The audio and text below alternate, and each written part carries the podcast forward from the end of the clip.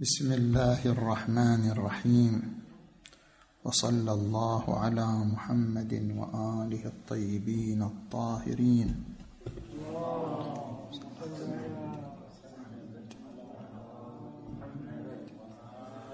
وصل الكلام إلى المحور الثاني في مناقشة النظرية الإشراقية. والمحور الثاني المحور الثاني في نقد أدلة النظريه على الحاجة للعقل الفعال ضمن نقاط.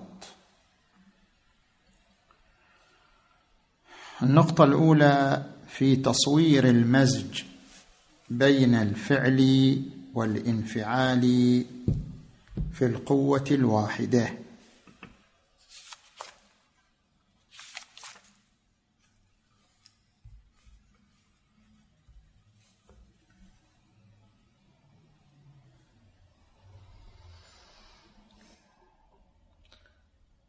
كما أن الحس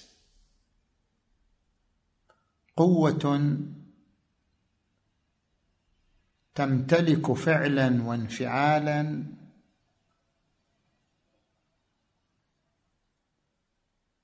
مع أنها قوة واحدة. كذلك قوة العقل الفاعل. بيان ذلك أن حاسة البصر عندما تقع عندما يقع عليها الضوء فإنها تمارس فعل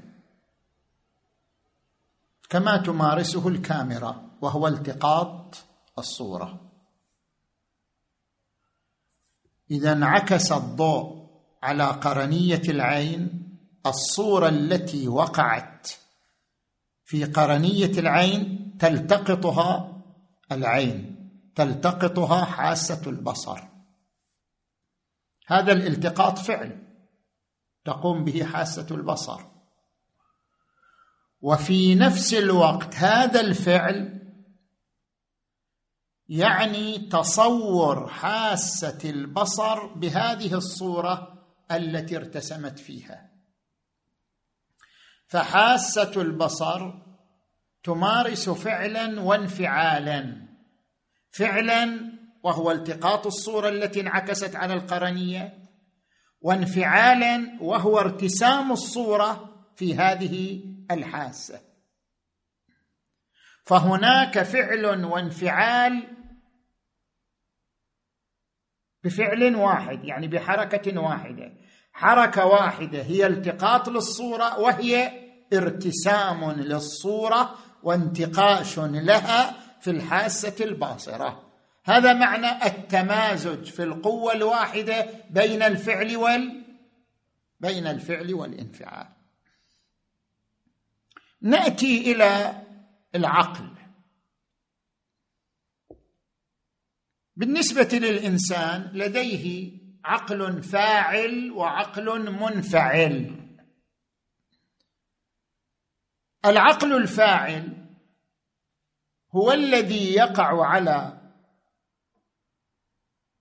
الصور المرتسمة في المتخيلة حيث إن القوة المتخيلة تأخذ صورا من الحواس وتقوم بإيداعها في الذاكرة في حافظة الإنسان. هذه الصورة التي ترتسم في ذاكرة الإنسان. ولنفترض أنها صورة علي مثلا. العقل الفاعل ماذا يصنع؟ يتوجه لهذه الصورة. هذه الصورة تحمل نقاط مشتركة ونقاط خاصة. نقاط خاصة بعلي أنه ابن فلان في المكان الفلاني في الزمن الفلاني. ونقاط مشتركة بينه وبين سائر البشر. من أنه ذو وجه ذي عينين ذي أذنين ذي ملامح بشرية معينة. العقل الفاعل مو مثل المتخيله المتخيله تقع على الصورة بتمام نقاطها الخاصة والمشتركة. العقل الفاعل يذهب إلى خصوص النقاط المشتركة. فالعقل الفاعل في النفس الإنسانية يتوجه للنقاط المشتركة في هذه الصورة بمعزل عن النقاط الخاصة. هذا التوجه من العقل فعل. لأنه تركز نظره على النقاط المشتركة بمعزل عن النقاط الخاصة وهذا ما يعبرون عنه بالتجريد والتقشير. هو ما يقوم بتجريد وتقشير هو يتركز نظره على النقاط المشتركة. قيام العقل الفاعل بهذا العمل هو في حد ذاته ارتسام لصورة الكل في العقل المنفعل. لأنه إذا توجه العقل إلى خصوص النقاط المشتركة وترك النقاط الخاصة ارتسمت بهذا التوجه صورة كلية. صورة لكلي الإنسان صورة لكلي العربي صورة لكلي القطيفي صورة لكلي مثلا العبكري وما أشبه ذلك. فاذا العقل قوة في النفس تمارس فعلا وانفعالا فعلا بتوجهها لخصوص النقاط المشتركة وانفعالا بمعنى أن نفس هذا الفعل يولد صورة كلية ترتسم. وقد ذكرنا فيما سبق أن العقل المنفعل ليس شيئا وراء الصور. الصور هي نفس العقل المنفعل وليس شيئا آخر. فبهذا الفعل من العقل الفاعل ترتسم صورة كلية في العقل المنفعل وهذا ما نعبر عنه بإدراك الكلي.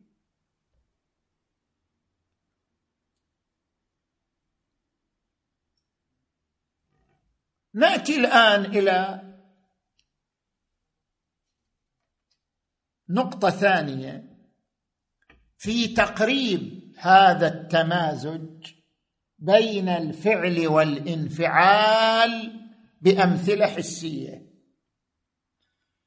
بأمثلة حسية نقرب هذا التمازج بين الفعل والانفعال. ونذكر هنا مثالين.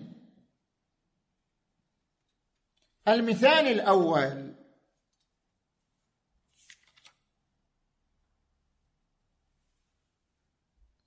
الضوء. أكيد هذا مر عليكم في معلوماتكم المدرسية. الأشياء لا لون لها ما في لون. اللون مو أمر واقعي. الأشياء لا لون لها. إذا انعكس الضوء على الشيء يتلون. كل شيء كل جسم فيه خصوصية معينة. هذه الخصوصية تعني لو انعكس الضوء عليه لتلون بالأبيض. ذاك الجسم الثاني فيه خصوصية معينة. لو انعكس الضوء عليه لتلون بالأحمر وذاك بالأزرق وهكذا لاختلاف خصوصيات الأجسام. وإلا فهذا الجسم قبل انعكاس الضوء عليه شنو؟ ليس متلونا. انعكاس الضوء عليه نتيجة لخصوصية فيه يجعله شنو؟ متلونا. إذا الضوء نفسه قوة فاعلة للتلون. والأشياء التي ينعكس عليها الضوء لديها القابلية والخصوصية لأن تتلون عند انعكاس الضوء عليها.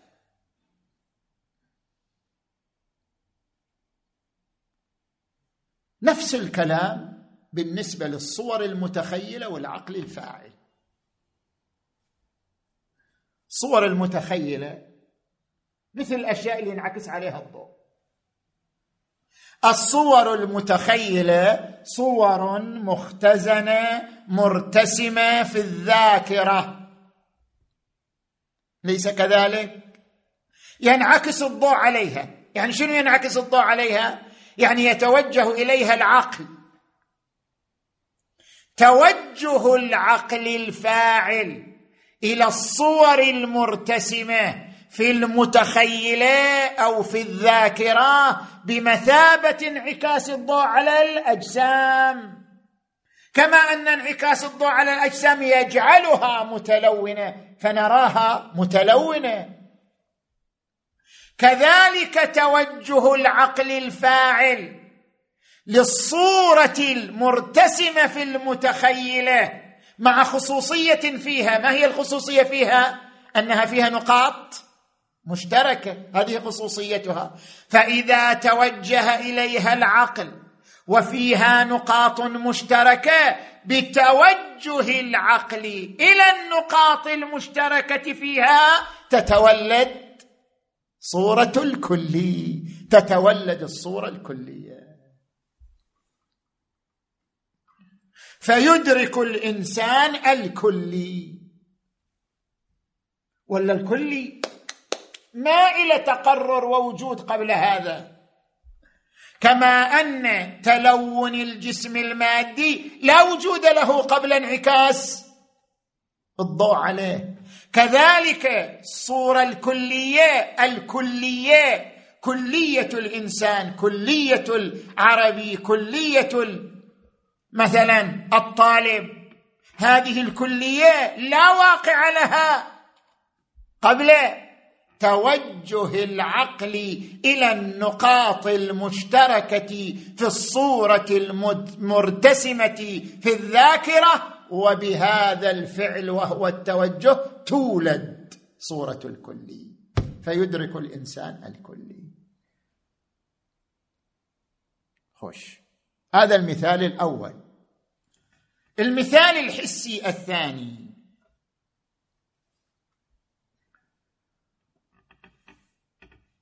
قابلية الشمع للتلون. الشمع هذه المادة الشمعية. المادة الشمعية مادة قابلة لأن تتشكل بأشكال مختلفة. هذه المادة الشمعية ممكن أن تتشكل بأشكال مختلفة. وقبل أن تتشكل كان لها شكل أيضا. المادة الشمعيه لها شكل في حد ذاتها. فإذا وضعت على المادة الشمعية ختم معين. افترضوا ختم شركة أو ختم مؤسسة أو شعار معين وضعته على المادة الشمعية. ماذا يحدث؟ يحدث فعل وانفعال. لأن المادة الشمعية مادة مرنة قابلة لأن تتشكل في حد ذاتها بأشكال مختلفة. لذلك انطباقها على هذا الخاتم هذا فعل لهذه المادة الشمعية. وبانطباقها على ختم المؤسسة يحصل انفعال. ما هو الانفعال؟ ارتسام صورة الختم في شنو؟ في المادة الشمعية. أيضا العقل المنفعل ترى هو مادة.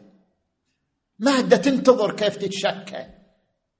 العقل المنفعل مادة وعاء قابل لأن يتشكل يعني لأن يتصور بصور متعددة وألوان مختلفة بس يحتاج فقط إلى توجه العقل الفاعل إلى الصور المرتسمة في المتخيلة بنفس هذا التوجه يتشكل العقل المنفعل بتلك الصورة كما يتشكل المادة الشمعية بصورة الختم التي تطابقت معه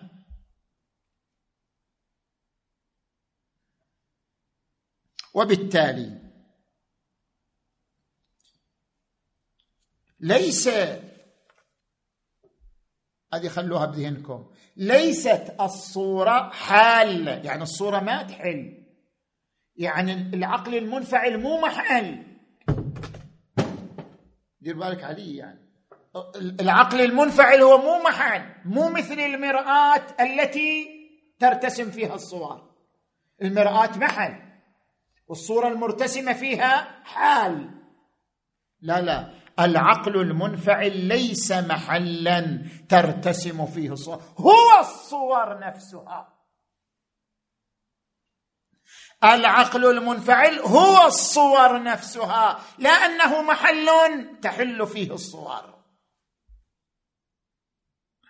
فليس وراء العقل الذي يتوجه للصور المتخيلة شيء آخر. يتوجه ولدت الصورة. هذه الصورة نسميها بالعقل المنفعل القابل لأن يتشكل ويتصور بأشكال وألوان شنو؟ مختلفة.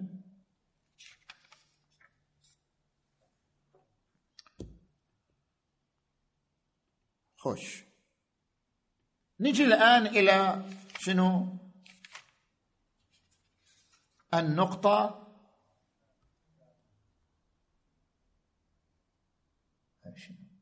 النقطة الثالثة. في اشتراك حاطين قبالي لا بس ورود بس.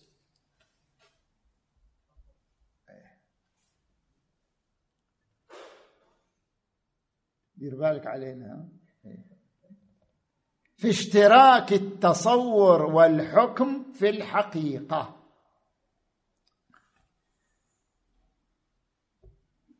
من الأدلة من الأدلة على أن ما يقوم به العقل أو ما تقوم به النفس العاقلة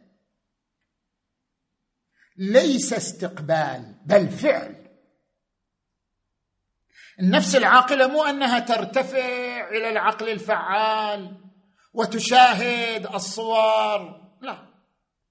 ما تقوم به النفس العاقلة كما صورنا قبل قليل ما تقوم به النفس العاقلة فعل فعل. وليس استقبال ومشاهدة. حتى نقرب هذا المعنى بدليل وجداني نقربه باشتراك التصور والحكم في الحقيقة. ما معنى اشتراك التصور والحكم في الحقيقة؟ الآن أشرح لكم هذا المعنى.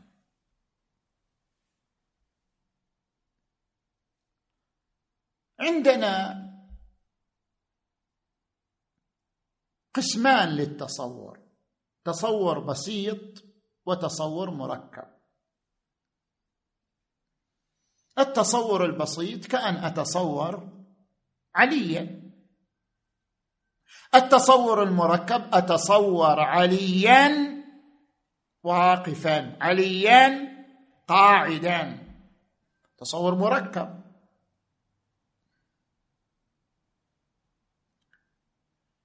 حتى نفهم التصور البسيط.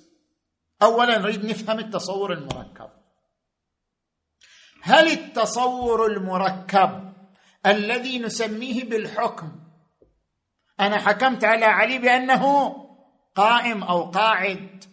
التصور المركب الذي نسميه بالحكم فعل من أفعال النفس. أو مجرد استقبال لصورة وفدت على النفس من خارجها. الصحيح أن الحكم فعل من أفعال النفس. فليست الصورة وهي صورة علي مثلا علي لنقل إنسان غضوب حتى يصير حكم. علي غضوب. علي حليم.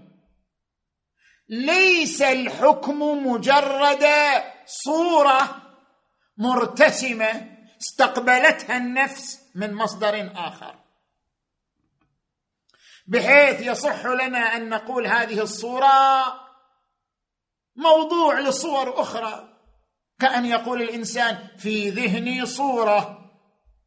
وهذه الصورة هي صورة علي حليم. لا. ليس الحكم عبارة عن صورة مرتسمة في الذهن تكون موضوعا لصور أخرى. وإنما الحكم فعل من أفعال النفس تقوم به النفس. يعني تجمع صورة وصورة وتسند الأولى إلى الثانية وتحكم بها عليها. لماذا؟ لأنها رأتها مطابقة لواقع معين. فكما أن هذه النتيجة اللي نريد نوصل إليها. فكما أن الحكم فعل التصور السابق على الحكم فعل. لأن الحكم والتصور بنسق واحد مشتركان في حقيقة واحدة لا فرق بينهما إلا بالبساطة والتركيب. هذا بسيط وهذا مركب. فبما أنه لا فرق بين التصور والحكم من حيث الحقيقة إلا أن هذا بسيط وهذا مركب. فكما أن الحكم فعل اذا التصور شنو؟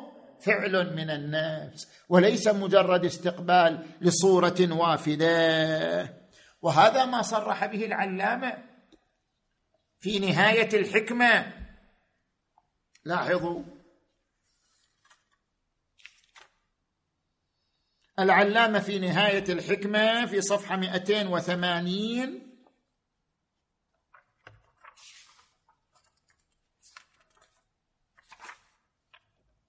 قال فالحكم فالحكم فعل من النفس.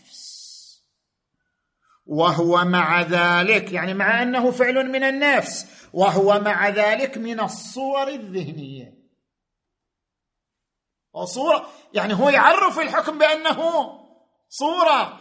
والحكم فعل من النفس. وهو مع ذلك من الصور الذهنية الحاكية لما وراءها. فإذا كان الحكم فعلا وهو في نفس الوقت صورة. اذا لا فرق بينه بحسب الحقيقة وبين الصورة البسيطة الساذجة كصورة الكلي. كلي العربي كلي الإنسان. فكما أن الحكم فعل فإن صورة الكلي أيضا شنو؟ فعل من أفعال الناس. خوش. هذا النقطة الثالثة في الاستدلال الوجداني على أن تصور الكلي فعل من أفعال النفس. نجي الآن إلى النقطة الرابعة وهي الأهم. في نقد أدلة الحاجة للعقل الفعال نحن عرضنا في المحاضرة السابقة عدة أدلة للنظرية الإشراقية التي تقرر أن المفيض للصور والمصدر للصور هو شنو؟ هو عقل فعال جوهر مجرد مفارق للبدن يفيض الصور على النفس الإنسانية. نجي إلى نقد هذه الأدلة. الدليل الأول. طبعا أنتم في ذهنكم الدليل الأول. الدليل الأول الاستدلال بالوجدان. نعم. إن الوجدان شاهد. هذا الدليل الأول الذي سيق إن الوجدان شاهد على أن إدراك الكلي كإدراك اجتماع النقيضين معا عندما أدرك كلي العربي فأراه كما أدرك أن النقيضين لا يجتمعان. فكما أن الثاني وهو النقيضان لا يجتمعان له واقع وأنا أدركته. اذا الكلي له واقع وأنا أدركته. وأين ذلك الواقع؟ فلا واقع وراء النفس تناله النفس وتدركه النفس إلا ارتسام هذه الصور في وين؟ في العقل الفعال. هذا كان الدليل الأول مسألة وجدانية. المناقشة في هذا الدليل.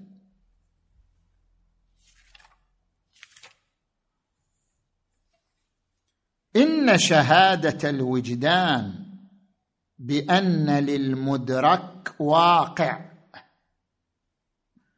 مع غمض النظر عن الإدراك.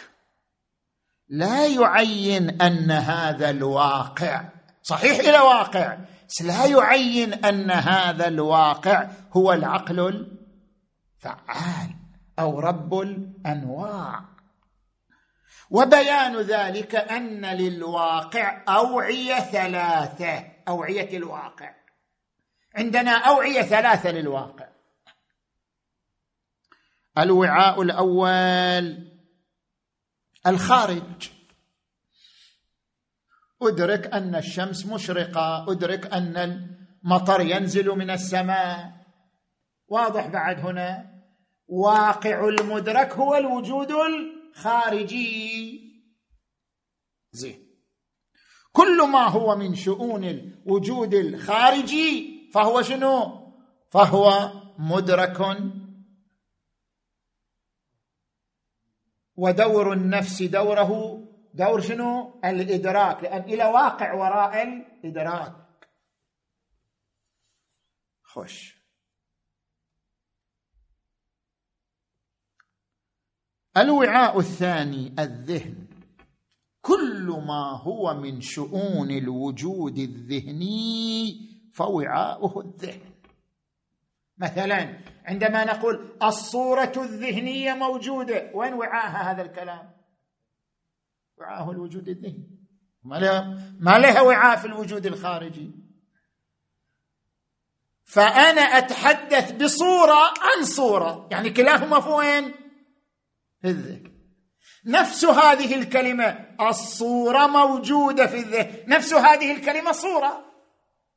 وهي تحكي عن صورة أيضا شنو؟ في الذهن. فواقعية هذه الصورة بنفس الوعاء ذهني الثالث هو وعاء الواقع الذي يختلف باختلاف المسالك.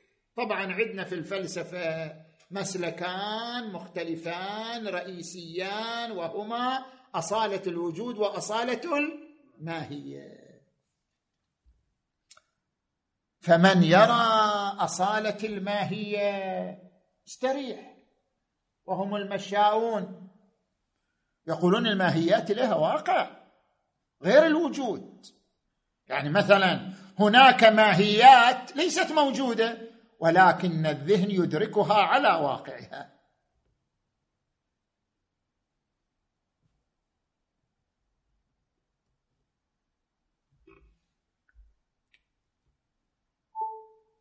جزاك الله خير. مثلا الذهن يدرك شريك الباري ممتنع. وين واقع هذا؟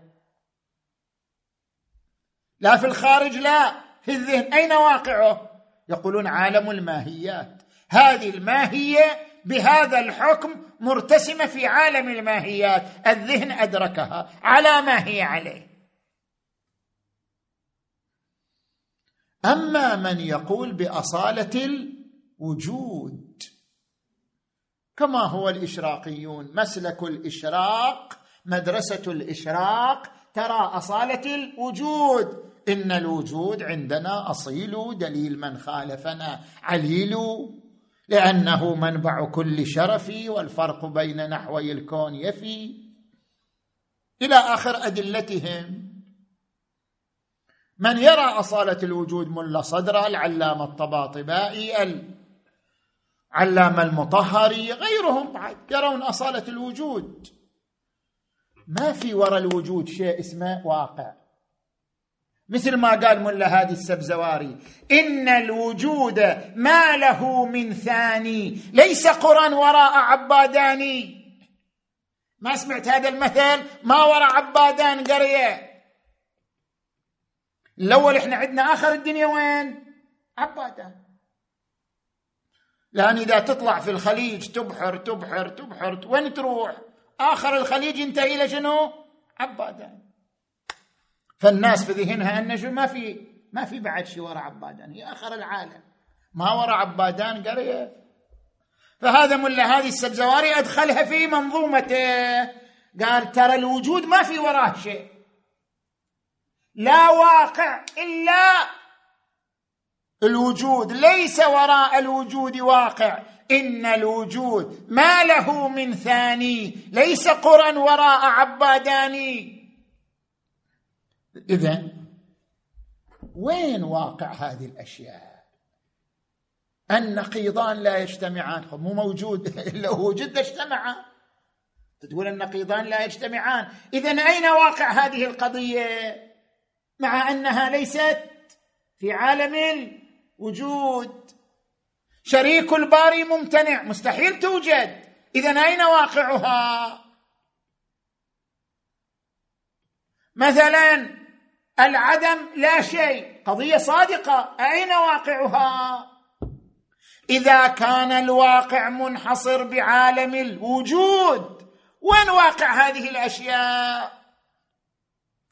السيد الشهيد السعيد سيد محمد باقر الصدر قدس سره لأنه على مسلك المشائين دائما يكرر في أبحاثه لوح الواقع أوسع من لوح الوجود. يعني هو يرى أن للواقع أوعية غير وعاء الوجود الخارجي. بينما من يرى أن الواقع هو هذا هو الوجود. وليس شيئا آخر. طيب كيف تفسر هذه القضايا؟ مع أنها قضايا صادقة. أكو واحد يقول هذه قضايا كاذبة. النقيضان لا يجتمعان. قضية صادقة. شريك الباري ممتنع. قضية صادقة. كيف تكون صادقة ولا واقع لها؟ من هنا جاء العلامة الطباطبائي وقال شنو؟ بالتوسع العقلي الاضطراري اللي سبق شرحناه. التوسع العقلي الاضطراري. واقعها بواقع منشأ انتزاعها. كيف واقعها بواقع منشأ انتزاعها؟ يعني أن الذهن يدرك الوجود. إذا أدرك الوجود ثم أدرك انقضاء الوجود ينتزع من إدراك الوجود وجود إلى واقع وانقضاء الوجود ينتزع قضية اسمها النقيضة. هذا نقيض هذا. ويحمل عليه بتوسعه وتحليله وقدرته على التحليل والتوسعة. يحكم عليه بأنهما شنو؟ لا يجتمعان. فهذه القضية النقيضان لا يجتمعان لا واقع لها إلا بواقع منشا انتزاعها. هي في حد ذاتها ما لها واقع واقعها بواقعية الوجود. لأن هناك واقع اسمه الوجود وانتهاء لهذا الواقع الذهن اقتنص من هذا الواقع قضية وعبر عنها النقيضان لا يجتمعان. فإذا على هذا المسلك على هذا المسلك انحلت المشكلة. بعد شنو اشكال عندكم بعد؟ كما أن هذه القضايا النقيضان لا يجتمعان شريك الباري ممتنع لا واقع لها إلا بواقعية الوجود لأنها قضايا انتزاعية. الكل كذلك. نفس الشيء. صح؟ صورة واقعية ارتسمت في وين؟ في المتخيلة. الصورة التي ارتسمت في المتخيلة لعلي أو للكتاب أو للجهاز هذه الصورة لها شنو؟ واقع خارجي. الذهن تركز وانصب وتوجه إلى النقاط المشتركة من هذه الصورة. لما توجه إلى النقاط المشتركة من هذه الصورة تولدت صورة سميت بالكلي. فالكليه لا واقع لها وراء الوجود بل واقعها بواقعية منشا انتزاعها. ومنشا انتزاعها هو الصورة المرتسمة في المتخيله فإذا الدليل الوجداني على أن للكليه واقع كما ان النقيضان لا يجتمعان لهما واقع هذا غير تام. لأن ما مثل به ما إلى واقع أصلا إلا بواقع منشا انتزاعه. ما قيس عليه لا واقع عليه إلا بواقعيه منشا انتزاعه. فكذا المقاس ألا وهو كلية المدرك. أو كلية الصورة أو كلية المفهوم. زين. هذا الدليل الأول. الدليل الثاني.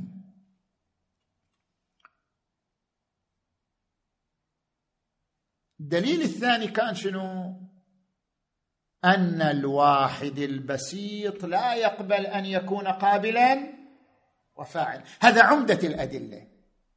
عمدة الأدلة في النظرية الإشراقية على أن النفس دورها دور المشاهدة بس. ما تصنع صور النفس ما تفعل صور دورها دور المشاهدة. عمده الأدلة أن النفس قابل فلا يعقل أن تكون فاعل لأن الواحد البسيط لا يعقل أن يكون قابلا وفاعلا في آن واحد. هذه هي العمدة عمدة الأدلة هذا الدليل. خلنا نناقش هذا الدليل. مناقشة هذا الدليل بوجهين. الوجه الأول إمكان كون الواحد قابلا وفاعلا. شيء الواحد يمكن يكون قابل وفاعل. من خلال مناقشة العلامة الطباطبائي قدس سره في نهاية الحكمة. الآن بعرض لك كلام العلامة من النهاية. زين.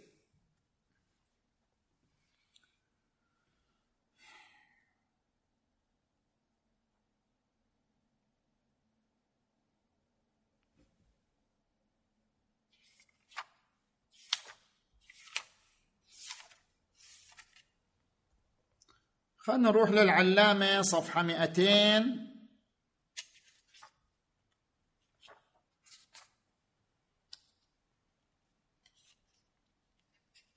صفحة 273 من نهاية الحكمة. شوفوا عبارة العلامة صفحة 273 من نهاية الحكمة. يقول العلامة وقد قسموا عالم المثال. إلى المثال الأعظم القائم بنفسه وهو عقل مفارق للأنفس يسمى عالم المثال فيه صور الأمور المادية موجودة فيه. والمثال الأصغر. شو المثال الأصغر؟ القائم بالنفس. يعني في النفس أيضا يوجد شنو؟ يوجد عالم اسمه عالم المثال المثال الأصغر.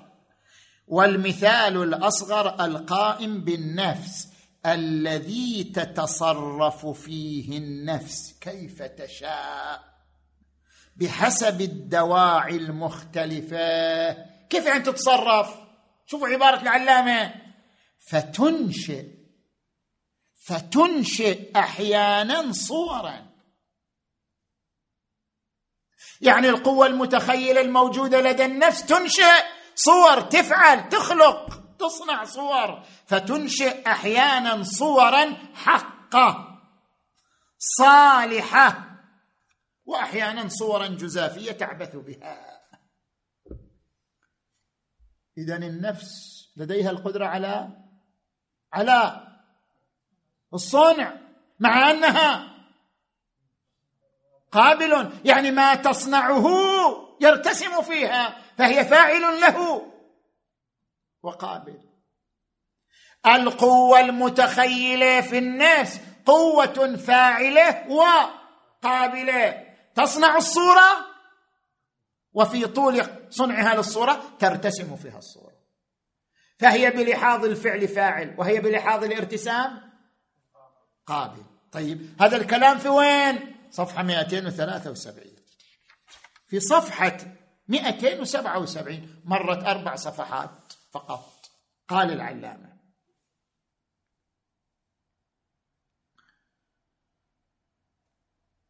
فتعين بعد الشرح في الفصل السابع قال فتعين أن المفيض للصور العقلية جوهر عقلي مجرد هو أقرب العقول المجردة من الجوهر المستفيض. فيه جميع الصور العقلية المعقولة عقلا اجماليا تتحد معه النفس. ذاك العقل النفس ترتقي إليه وتتحد معه.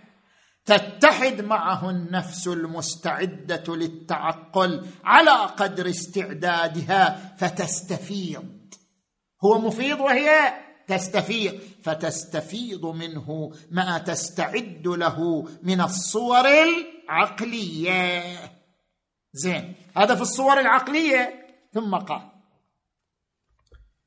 ونظير البيان السابق هذاك 277 هذا 278 ونظير البيان السابق في الصور العلمية الكلية يجري في الصور العلمية الجزئية. يعني حتى الصور العلمية الجزئية النفس تستفيضها. ويتبين به أن مفيض الصور العلمية الجزئية جوهر مفارق.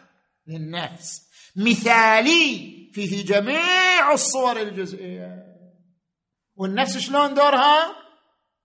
أن تستفيض وتستقبل. طيب كيف نجمع بين الكلامين؟ زين. هذا إشكال أول ونشوف كيف يجمع بين الكلامين. أن العلامة قدس سره يقول النفس لها قوة تنشئ تسمى بالمثال الأصغر ويقول بأن مصدر الصور العلمية الجزئية جوهر مثالي مفارق. تمام؟ هذا الإشكال الأول. الإشكال الثاني. أن العلامة قدس سره. يرى أن مفيض الصور هو العقل الفعال. جوهر مجرد مفارق للمادة عنده جميع الصور العقلية وذلك لما تقدم أن هذه الصور مجردة مفاضة للنفس فلها مفيض. والمفيض هو العقل الفعال. شنو دور النفس؟ بس دور النفس تشاهد الصور وإذا شاهدتها وش يصير؟ قال لا. النفس بعد مشاهدتها للصور في العقل الفعال تنتزع مفاهيم تحاكي تلك الصور. زين النفس ترتقي إلى العقل الفعال وتشاهد هذه الصور لكن بعد مشاهدتها تقوم أيضا بانتزاع مفاهيم تحاكي تلك الصور. إلى وش هالدوخة؟ قال شلون يصير علم حصولي؟ مو المشاهدة هي علم حضوري وإحنا نحتاج إلى علم حصولي. كيف نبرر العلم الحصولي؟ مو إحنا في أذهاننا. يعني أذهانهم هم. مو إحنا في أذهاننا أن كل علم حصولي يستند إلى علم حضوري. فلا بد نصور علم حضوري وعلم حصولي؟ العلم الحضوري صورناه أن كل الصور موجودة في العقل الفعال وهو دوره الإفاضة على النفس. فترتقي النفس وتشاهد. طيب النفس شاهدت. وين العلم الحصولي يقول ها وفي طول هذه المشاهدة التي هي علم حضوري. تقوم النفس بانتزاع مفهوم يحاكي تلك الصورة وينطبق على ما في الخارج. من جهة يحاكي الصورة ومن جهة ينطبق على ما في الخارج وهذا هو العلم الحصولي. فكل علم حصولي يرجع إلى علم حضوري بهذا المعنى بهذا التحليل. طيب إذا النفس عندها القدرة شنو؟ أن تنتزع هذا المفهوم. يعني عندها القدرة أن تصنع وطبيعي بعد انتزاع المفهوم سيرتسم المفهوم في العقل المنفعل فأصبح هناك فاعل وقابل فشنو الجواب؟ الآن نسمع الجواب. الشيخ الفياضي حفظه الله في شرحه لنهاية الحكمة في الجزء الرابع في شرح النهاية صفحة 974 أراد أن يجيب عن هذين الإشكالين معا. لا تتوهموا العلامة مو ملتفت. لا تتوهموا العلامة وارد عليها الإشكال لا. في جواب عن هذا. شنو الجواب؟ لا يمكن أن يكون الشيء فاعلا وقابلا بمعنى مستكملا. لكن يمكن أن يكون الشيء فاعلا وقابلا بمعنى متصفا لا بمعنى مستكملا. فالقبول له معنيان القبول بمعنى الاستكمال والقبول بمعنى الاتصاف. القبول بمعنى الاستكمال مستحيل. أن يكون الشيء هو الفاعل وهو القابل بمعنى الاستكمال محال. لكن القبول بمعنى الاتصاف ممكن أن يكون الشيء فاعلا وقابلا بمعنى الاتصاف. والآن أشرح لك أنا. عندما نقول بأن القوة المتخيلة تصنع صور ما عندنا مشكلة أنها لها القدرة على صنع الصور. ما عندنا مشكلة. النفس البشرية إذا امتلكت الخبرة بالصور مثل الرسام إذا امتلك الخبرة بالصور يبدأ بعد ذلك هو الذي يبدع ويرسم. أيضا النفس البشرية إذا امتلكت خبرة بالصور تستطيع المتخيلة أن تصنع صور وأن ترسم صور. ما عندنا مشكلة في هذا. لكن قبولها للصور. ليس استكمال بل اتصاف. إحنا نريد نفر نفر من شنو؟ من أن فاقد الشيء لا يعطيه إذا قلتم هي اللي تصنع وهي اللي, اللي تستكمل. اجتمع النقيضان. معنى أنها تستكمل يعني أنها فاقد. فإذا كانت فاقد فكيف تكون هي الفاعل المستكمل فاقد. والفاقد لا يعطي. فلا يعقل أن يكون الشيء الواحد فاعلا ومستكملا بما فعل. لأن الاستكمال فرع الفقدان والفقدان لا يجتمع مع الفعل والإيجاد. وأما أن يفعل ويتصف بما فعل شكوا بها الجسم يفعل القيام ويتصف بالقيام. أنا أفعل القيام وأتصف بالقيام. أنا أنا أفعل الكلام وأتصف بالكلام. النار تفعل الحرارة وتتصف بالحرارة. فيقال النار حارة. اجتماع الفعل والقبول بمعنى الاتصاف في شيء واحد. ممكن. المستحيل شنو؟ اجتماع الفعل والقبول بمعنى بمعنى الاستكمال. نحن عندنا تأمل في هذا الجواب. بعد أنا يقول لي مهدي يقول لما إحنا بنخلص كل أسبوع تتمدد بالحرارة. زين؟ نريد نخلص هذه التصورات حتى نروح للتصديقات. بتشوف كل أسبوع نقول بنخلص يطلع علينا دعباله زين؟ لأنه الوقت الآن صار أكثر من ساعة إلا ربع نتكلم. فلا بد أن ننهي. عندنا إشكال في هذا وهو لا تنفك النفس عن حركة الاستكمال ابدا. والسر في ذلك أن نفس الفياضية نفس الفاعلية للصور هي في حد ذاتها شنو؟ كمال من كمالات النفس. قدرة القوة المتخيلة على خلق الصور وصنعها هو في نفسه كمال من كمالات النفس. قدرة العقل المنفعل على استقبال الصور والانفعال بها هو كمال من كمالات النفس.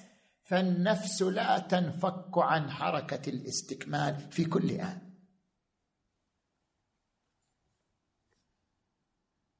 في كل آن النفس تمارس الاستكمال بنحو الإجمال والتفصيل. إحنا دائما نضرب مثال بالبذره واحد قلت ما عندك في العالم إلا المثال مثال البذره كل مرة تجيب هذا المثال شوف مثال غيره. هذه البذرة تختزن طاقة دينامية. هذه الطاقة الدينامية تحول البذرة إلى شجرة. في كل لحظة تمر على البذرة هي تعيش حركة استكمال. يعني تحول الكمال من كمال مجمل إلى كمال مفصل.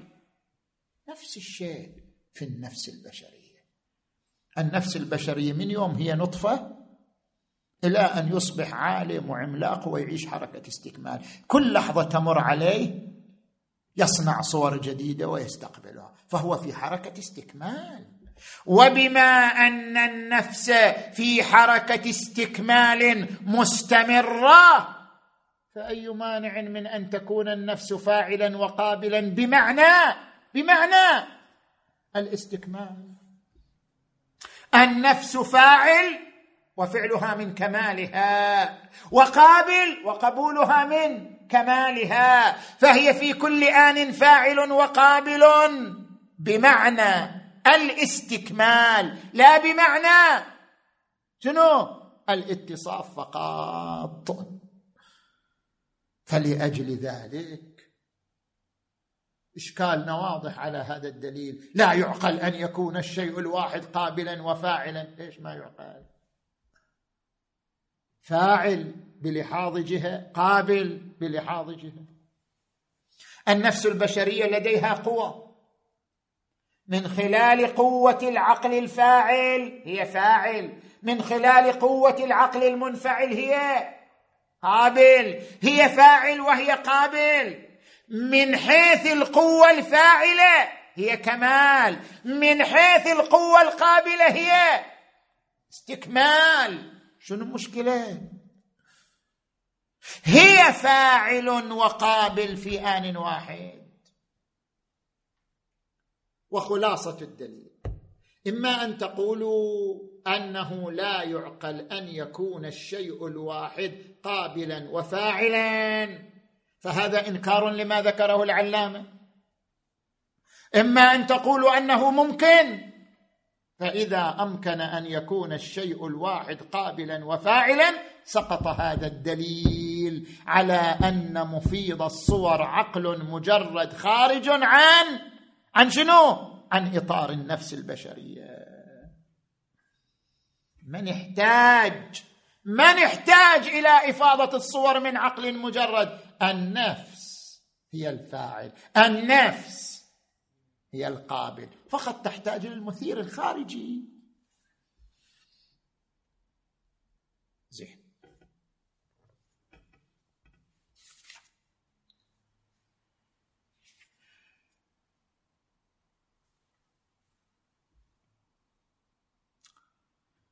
النفس يقسمها الفلاسفة إلى ثلاثة أقسام. هذا الشيء بالعرض الآن جاء في رأسي أقوله إتمام لهذا المطلب.